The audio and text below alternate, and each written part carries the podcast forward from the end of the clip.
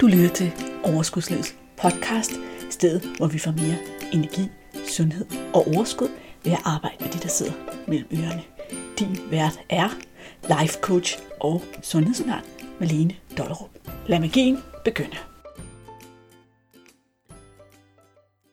Hej og velkommen til episode 118 af Overskudslivets podcast. I dag skal det handle om det her med at have en tanke om, at vi bør kunne klare alting selv og ikke få hjælp. Har du nogensinde tænkt over, hvordan jeg bliver ved med at få idéer til at lave en ny podcast til dig hver eneste uge? Det har jeg nogle gange tænkt på. Nogle gange så tænker jeg, kan det blive ved? Går du i stå? Kommer der et tidspunkt, Malene, hvor du ikke ved, hvad du nu skal snakke om? Et eller andet sted inde i mig er jeg en lille smule bange for, at det sker.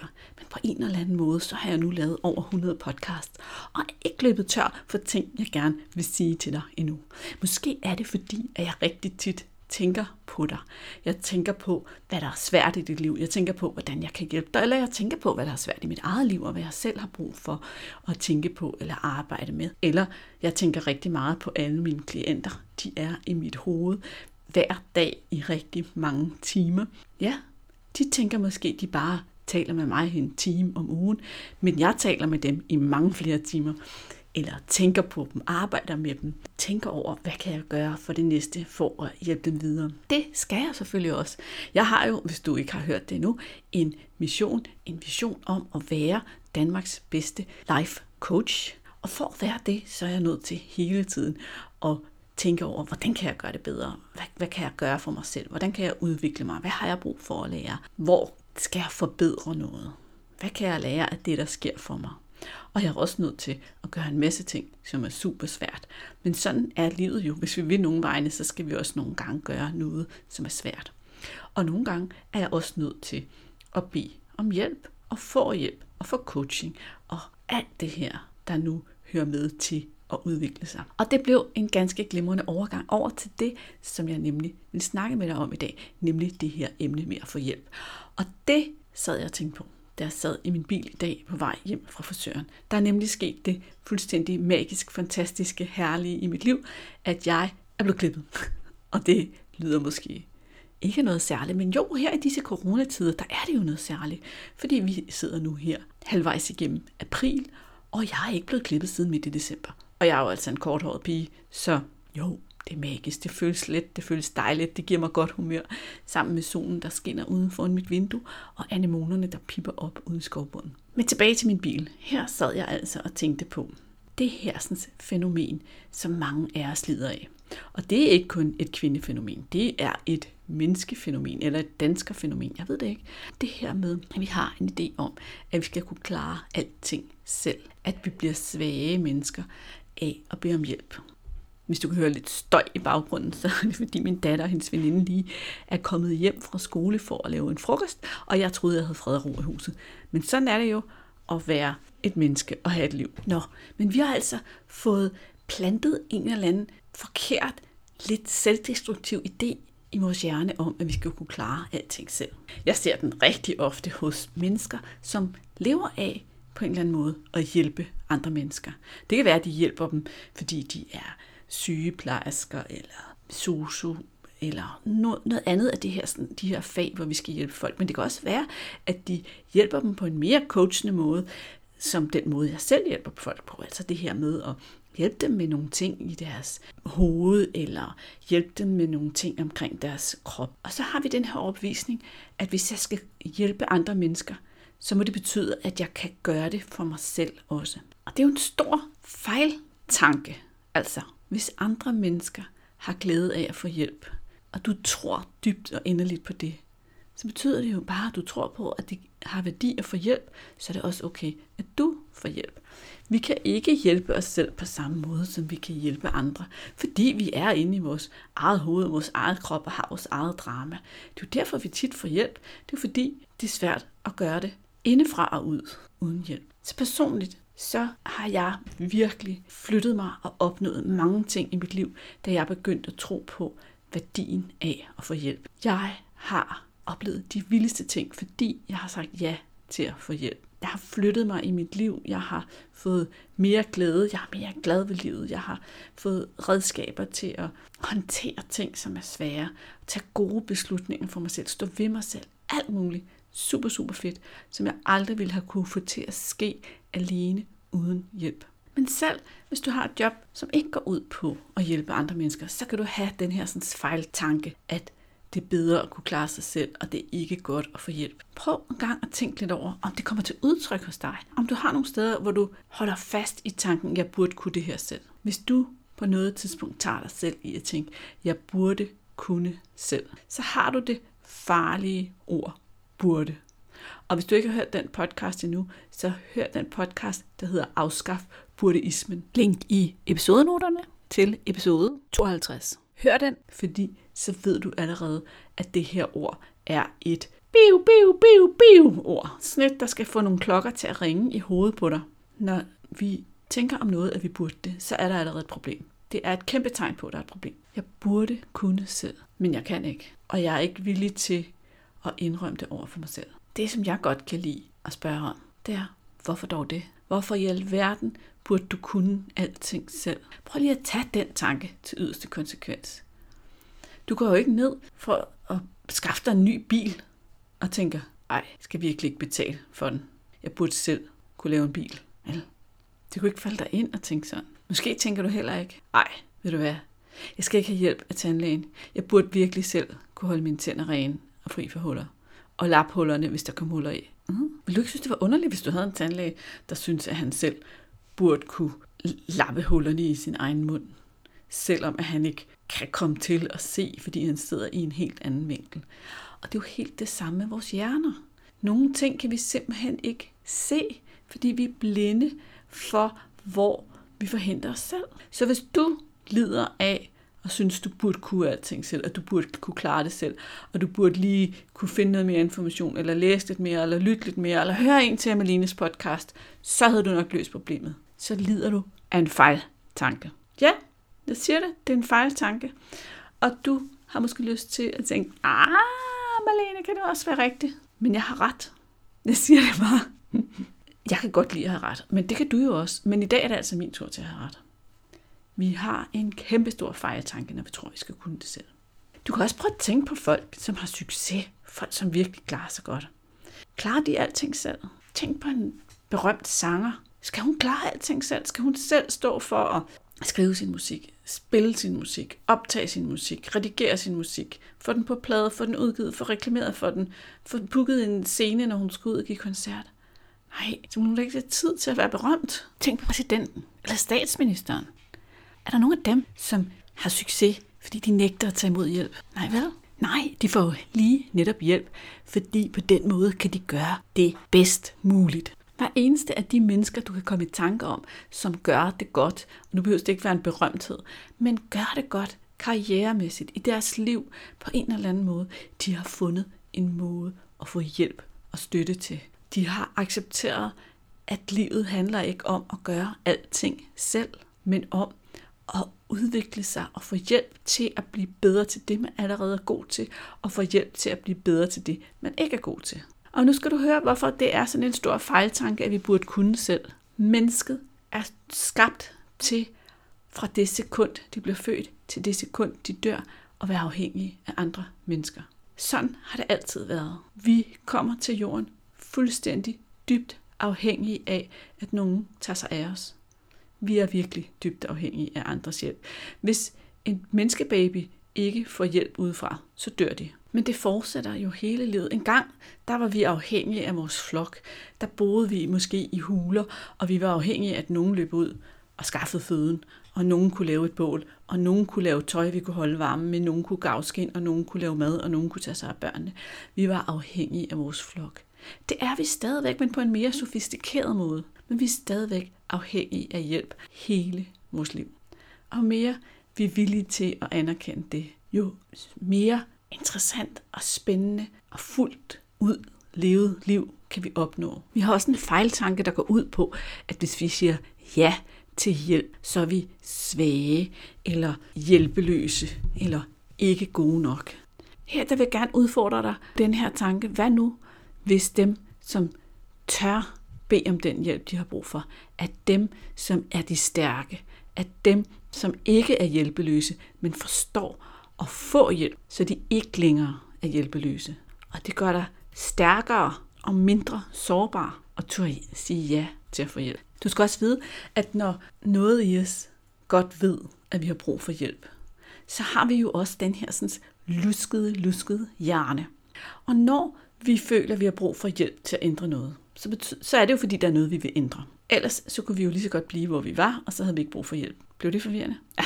Anyways, det giver alligevel meget god mening. Hvis der er noget, vi vil ændre, og har svært ved at ændre, så har vi brug for hjælp, og det er okay. Det kan blive nemmere, det kan blive sjovere, det kan blive mere realistisk og skabe den forandring ved at få hjælp. Men din hjerne, den er en bandit. Det har jeg sagt før. Ikke? Men vores hjerne er jo en bandit på flere måder, fordi den har nogle modsatrettede programmeringer, der ikke altid tjener os. Og en af dem, det er det her med, at den helst vil have, at vi bliver ved med at gøre, som vi plejer. Den vil gerne holde os, hvor vi er. Vi er sådan set ikke vejret til at prøve alt for meget forandring af. Det er sådan en sikkerhedsforanstaltning, plejer jeg at sige, fordi at man kan sige, dengang i urtiden, oldtiden, whatever-tiden, for meget, meget lang tid siden, da verden ikke var så sikkert et sted at være i, der kunne det være, at du havde fundet en tryg og sikker sti at gå ned til dit vandhul til. Du vidste, at når du gik den vej, så blev du ikke spist af en sabeltiger. Hvis du fandt på at gå en anden vej, så ved du jo ikke med sikkerhed, om der er en sabeltiger, der spiser dig, hvis du går den vej ned til vandhullet. Så din hjernes opgave er at holde dig til den vej, du allerede ved er sikker. Og når vi bliver, hvor vi er, så ved vi, hvad vi har. Så det er hjernens måde at synes, du er sikker på. Udfordringen er jo, at de ting, de forandringer, vi gerne vil skabe i det moderne menneskeliv, de ofte for eksempel, hvis det handler om mad og vægt, er skabt af de betingelser, vi har i et moderne menneskeliv. Så der er ikke noget farligt ved at ændre dem, der er nærmest mere noget farligt ved ikke at ændre dem. Men det forstår den del af vores hjerne ikke, så den vil gerne holde os, hvor vi er. Så vores hjerne hjælper os med at holde fast i overbevisningen om, at det måske er smartere at prøve selv og gøre det selv og ikke bede om hjælp. Fordi så bliver du jo, hvor du er. Hvis du bliver ved med at tro på, at du ikke skal have hjælp, at du ikke skal, at du skal kunne gøre det selv, at du skal bare lige søge lidt mere information, du skal bare lige prøve gang nummer 28, du skal bare lige, jamen så bliver du jo nøjagtig, hvor du er nu. Ingen forandring. Æh, godt og trygt. Er der en del af din hjerne, der synes? Og det lyder jo åndssvagt, men det er jo sådan en gang, nu engang sådan vi fungerer. Og det er jo fordi hjernen har nogle autopiloter, kan man sige. Nogle ting, den kører af per default. Og indtil vi bevidst bruger vores bevidste hjerne på at tænke, at sådan vil vi ikke have det, eller de her tanker kan jeg tænke anderledes om, så kører de afsted med os. Vi kan altså styre vores tanker, vi kan styre vores hjerne, men kun hvis vi er opmærksom på, hvad det gør ved os ikke at gøre det. Ikke at styre den. Det er jo derfor, at coaching er det bedste i verden. Det er jo her, du bliver opmærksom på dine tanker. Det er her, du lærer at styre dine tanker. Det er her, du lærer at ændre retning for dine tanker. Så du ikke ødelægger det for dig selv hele tiden, men så du får ting til at ske. Fik jeg sagt, at jeg elsker coaching? Nå, det her var altså, hvad der skete inde i min hjerne, da jeg sad den her køretur på vej hjem fra den her frisør.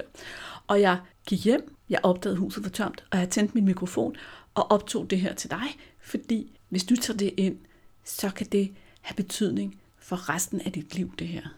Prøv allerede nu, i dag, nu her, hvor du har lyttet til den her podcast, at tænke over, hvor du kunne have glæde af at få noget hjælp i dit liv.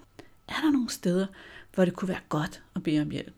Er der noget på dit job, som du kunne bede om hjælp til? Er der noget i din hverdag, du kunne bede om hjælp til? Og ved du hvad?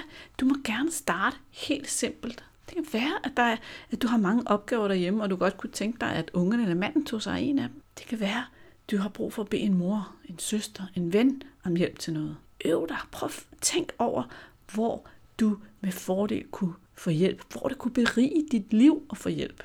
Jeg får lige lyst til at vende tilbage til min frisør, fordi det er både en frisør og en ven, jeg har, og hun er lige flyttet i et nyt hus, som hun er utrolig glad for, men hun står med det her hus alene. Og der er rigtig mange opgaver alene, og så har hun også nogle små børn.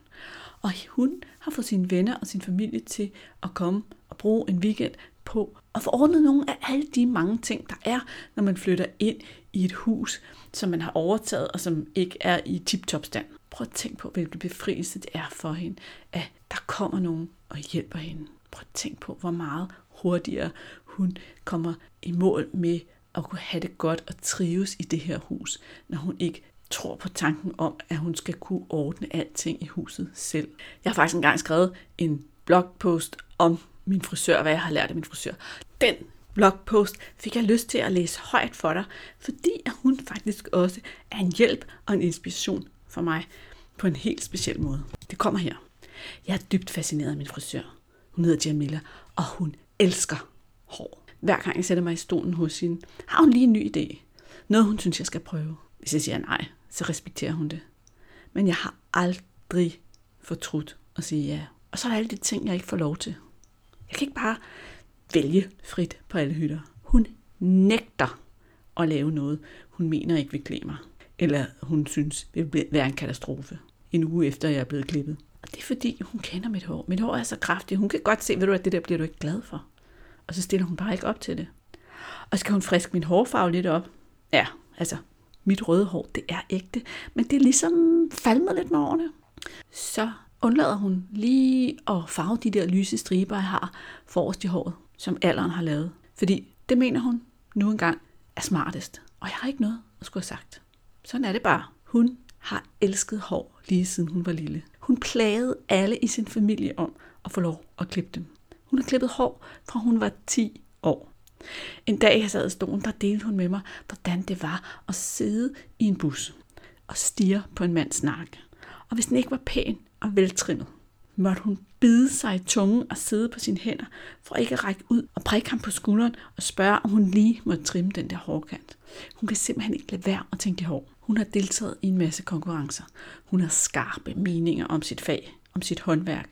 Og så er hun knaldgod, fordi hun brænder for sit fag. For hende der er det ikke bare teknik. Hun lever det. Spejlet.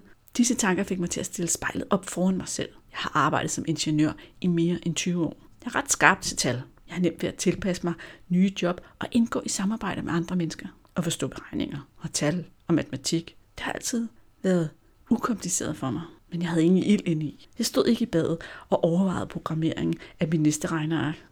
Jeg glædede mig alt for ofte til, at jeg havde fri. Selvfølgelig var lønnen god, og det var nok den, der holdt mig, hvor jeg var. En dag, der landede der en indbydelse til en introaften hos Manning Inspire. Jeg kunne lære noget selvudviklingsværktøj og høre om deres coachuddannelse. Jeg har altid elsket at udvikle mig og lære nyt. Bare spørg min mand, der indimellem bliver drevet til vanvid af min nyeste dille. Jeg tror især, han vil huske det der projekt Stofblæ og Blæfri Baby, som han synes var en anelse anstrengende. Nå, det er en anden historie til en anden dag. Overvist om, at de, altså Manning Inspire, ikke skulle sælge mig noget som helst, drog jeg afsted. Det blev en fantastisk aften, og jeg var solgt. Jeg fik ikke bare værktøjet, som de havde lovet mig. Jeg var solgt til coaching, til ideen om coaching, til coachinguddannelsen. Der startede min drømme om en coachuddannelse. Men jeg havde ingen anelse om, hvor jeg skulle finde pengene. Mit liv som coach. Men universet har det med, har det med kun at sende ønsker, som vi kan lande. Og i dag er det seks år siden, jeg blev færdiguddannet som coach. Og jeg har coachet lige siden. Men med tre børn og hus og faste udgifter forlader man ikke bare et ingeniørjob. Så i lang tid gik jeg på arbejde om dagen og coachede om aftenen og i weekenden. Når som helst der var tid. Bare jeg fik lov at coache. Jeg var og er vild med at hjælpe mennesker til at få det bedre. Det, der kan udrettes med coaching, er så meget mere værdifuldt end det, der kan skabes med et regneark.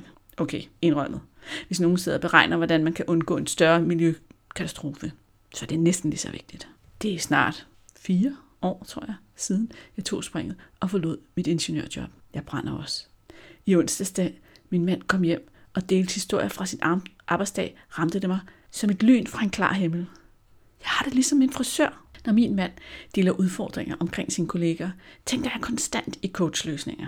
Når folk i tv har problemer, tænker jeg over, hvordan de med fordel kunne blive coachet til at finde løsningen. Uanset om det er rigtige mænd, eller alene i Vildmarken, eller tv-avisen. Og ikke bare mens de er på skærmen, eller når min mand han nævner sine kollegaer. Også i badet, på køreturen, på indkøb, på løbeturen. Nogle gange så ligger jeg og kører coaching op i min hjerne om aftenen, når jeg skal sove. Ja, det kan altså faktisk godt være lidt forstyrrende. Indimellem tager jeg mig selv i at sige til folk, dem jeg kender rigtig godt, hvis jeg var din coach, så ville jeg nok spørge dig om det her nu. Men generelt afholder jeg mig fra at coache på folk, jeg kender, medmindre de har bedt mig om det. Men det er en helt anden historie. Og i øvrigt ikke noget, der står i blogindlægget. Men det er bare fordi, jeg ikke kan lade være. Det føles som at række en lille gave frem. som de kan tage imod eller lade være. Fordi jeg sidder her med det her værktøj, med den her evne. Det coaching kan er så vildt. Jeg ser det igen og igen hos mine klienter. De kommer for at ændre på en ting, der generer dem i deres liv. Typisk er det deres forhold til mad, ønsket om en anden vægt. Og når forløbet er slut, så har de opnået både det, de ønskede sig, og fået det så meget bedre på andre planer i deres liv. Det er så vildt, at jeg til tider danser en lille happy dance på gulvet efter en session, hvor min klient endnu en gang har fundet sin indre ressource og mærket, at hendes livskvalitet er blevet større. Eller når jeg får en tilbagemelding som den her. Jeg har flyttet mig virkelig langt mentalt med de redskaber, du deler, og den coaching, jeg har modtaget. Jeg har allerede tabt 3 kilo og fundet en god balance mellem at spise sundt og have plads til nydelse ved særlige lejligheder. Gerda. Jeg elsker mit liv. Jeg elsker mit nye fag. Jeg elsker at skubbe til den forandring. Et menneske ønsker sig mest af alt. Alle mennesker burde have en life coach. Hvis du har snakket med mig flere gange, så har du garanteret hørt mig sige det her før. Alle mennesker burde have en life coach. Har du ikke en coach endnu? Eller måske, hvis jeg skal læse den sætning op, jeg har skrevet i blogindlægget, så står der, har du ikke en coach endnu? Hvad venter du på? Du vil ikke fortryde det. Stol på mig, ligesom jeg stoler på min frisør, når hun ved præcis, hvad der skal til. Måske har du brug for en samtale, før du er klar til at tro 100% på det. Indrømmet. Jeg skulle også lige se resultatet første gang. Min frisør, hun foreslog noget helt vildt. Hvis du har det, så har jeg åben for en telefonsnak, en afklaringssamtale, som jeg kalder det. En lille times tid, hvor vi hopper på telefonen og snakker om, hvad det er, som der står i vejen for dig. Hvad det er, du gerne vil ændre. Og hvordan du kan lave om på det og opnå det, som du gerne vil med dit liv. Det koster dig ikke noget andet end den time, du skal bruge sammen med mig. Du går ind på overskudslivet.dk-ansøg, og så skal jeg nok tage fat i dig. Og nederst i blogindlægget, der er der en fin lille udtalelse mere, som jeg helt ubeskedent også vil læse højt for dig, fordi den står jo i blogindlægget. Ha, det var en god undskyldning, hva'? Malene er knivskarp, og hun hjælper kærligt ind til at finde svarene. Det føles trygt og godt. Jeg vil bestemt anbefale Malene. Hun mødte mig lige, hvor jeg var hver eneste gang. Anna. Og Anna er så en af de kvinder, jeg har haft i coaching. Hvis du vil læse blogindlægget, hvis du vil klikke på nogle af linkene, så kan du finde linket til blogindlægget i episodenoterne. Og når det er sagt, så vil jeg også sige til dig, mens jeg stadig har dit øre, at det her med den her afklaringssamtale, som jeg fortalte om i blogindlægget, det er stort set altid en mulighed. Jeg er stort set altid åben for en til en coaching, en pakke til dig, som har lyst til på en eller anden måde at få den hjælp, du har brug for, for at ændre dit liv, for ikke at blive, hvor du er. Og du skal stadigvæk bare gå ind på overskudslivet.dk-ansøg, hvis du er klar til den her snak. Det kunne jo være, at det her var dit første skridt til at øve dig i at få hjælp og se, hvor meget værdi det kan have at tillade sig selv at få hjælp. Og har du brug for at blive coachet lidt på dit behov for hjælp, så kan vi da bare klare det, når vi snakker sammen i telefonen. Inden jeg helt slutter, det var mine tanker i bilen plus oplæsning af blogindlæg relateret til mit frisørbesøg, så vil jeg sige til dig, at jeg inde på Instagram hygger mig rigtig meget med at lave de her reels, som jo er der Instagrams udgave af TikTok, så nogle helt korte videoer med lidt tekst på. Og ofte så bruger jeg dem til at lave sådan nogle meget korte opsummeringer af nogle af de pointer, som der også er her i podcasten. Jeg tror ikke, at du ved at se en 15 sekunders video med et godt råd eller et godt input alene kan rigtig implementere det i dit liv. Men hvis du lytter til podcasten, og så en gang imellem får en reminder i kort form, så kan det hjælpe dig til at få flere af tingene til at sidde fast og blive noget, du kan handle på, og blive noget, der kan hjælpe dig til den forandring, som du ønsker dig. Så find mig på Malene underscore fra underscore overskudsledet, eller gæt hvad jeg vil sige nu, brug linket i episodenoterne. Kort og godt, det var alt for i dag. Det var dejligt at få lov at hænge ud i dine ører, og jeg glæder mig allerede vildt meget til næste onsdag. Kan du have det så vidunderligt dejligt. Gå og spekulere over, hvem du skal bede om hjælp næste gang, og nyde at tage imod den, indtil vi hænger ud i dit øre igen i næste uge. Hej hej. Som en lille bonus får du her et 12 sekunders resume af den vigtigste pointe i den her podcast. Hvis der er noget, vi vil ændre og har svært ved at ændre, så har vi brug for hjælp, og det er okay. Det kan blive nemmere, det kan blive sjovere, det kan blive mere realistisk og skabe den forandring ved at få hjælp. Og hunde fraklippet. Huxi, har noget at sige til lytterne? Det tror jeg ikke, de forstod, skat. Hey, inden du løber, glem ikke at abonnere på podcasten, så du ikke går glip af en eneste episode. Og skulle du have fingre i den gratis videotræningsserie Vægtab med din hjerne, så smut ind på overskudslivet.dk videoserie, så lander den første video i din indbakke i dag.